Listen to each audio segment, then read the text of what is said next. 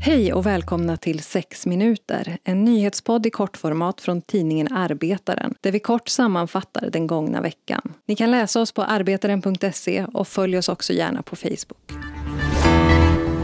Både polis och kommuner måste ta antisemitiska hatbrott på betydligt större allvar. Det menar Judiska centralrådet efter den senaste tidens många nazistattacker mot bland annat synagogan i Norrköping.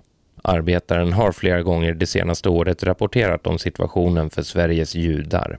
Hat och hot är vanligt förekommande och har bland annat lett till att judiska församlingen i Umeå tvingats lägga ner sin verksamhet då medlemmarna inte känt sig trygga efter upprepade trakasserier från bland annat Nordiska motståndsrörelsen. Även i Norrköping har judiska mål attackerats den senaste tiden och nu kräver Judiska centralrådet att polis och kommuner gör mer i sitt arbete. Aron Verständig är ordförande i Judiska centralrådet i Sverige.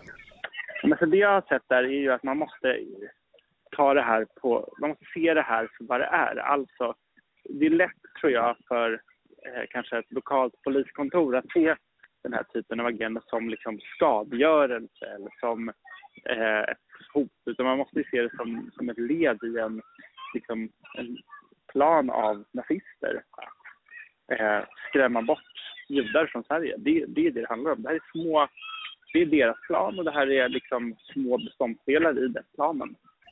Det sa alltså Aron Weständig från Judiska centralrådet. Läs mer om antisemitism och svenska judars utsatthet på arbetaren.se. Och nu till USA. Där lägger ordföranden i Minnesotas största polisfack ansvaret för dödsskjutningen av den 20-årige Duante Wright på offret själv. Om han bara hade gjort som han blev tillsagd så skulle han inte varit död idag, säger fackordföranden Brian Peters i en uppmärksammad intervju med den lokala radiostationen VCCO.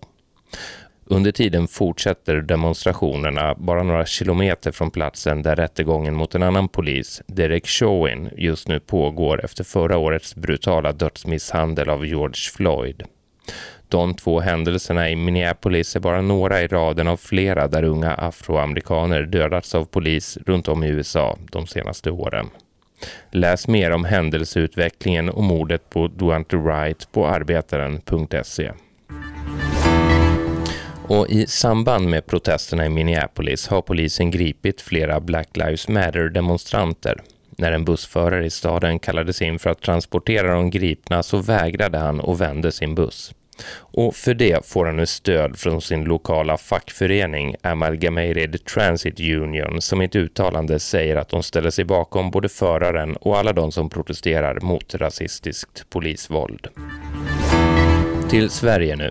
Fler borde få covid klassat som arbetsskada. Det menar åtminstone Seko efter att en behandlingsassistent på ett SIS-boende nyligen avlidit efter att ha smittats av corona.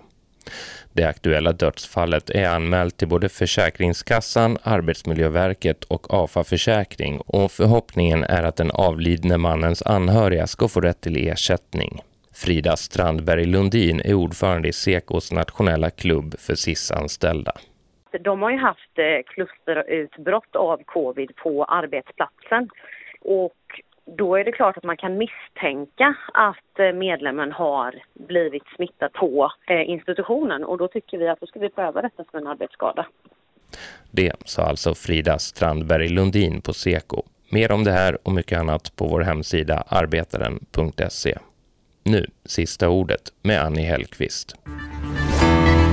Den senaste veckan har polisens närvaro och övertramp i sociala medier diskuterats. Skribenten Max Karlsson gjorde tidigare i år i Dagens ETC en ordentlig genomlysning av polisens officiella och enskilda polisers inofficiella kommunikation i sociala medier.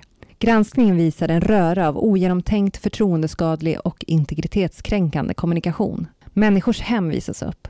Onyktra människor avbildas på ett identifierbart sätt på många av de omkring 250 konton polisen har i sociala medier med miljonpublik. För snart tio år sedan lyfte Arbetarens dåvarande chefredaktör Daniel Wiklander återkommande frågan hur polisens kommunikation skilde ut sig från precis all annan myndighetskommunikation och hur man återkommande kommenterade gripna människor med hånfullhet i sociala medier.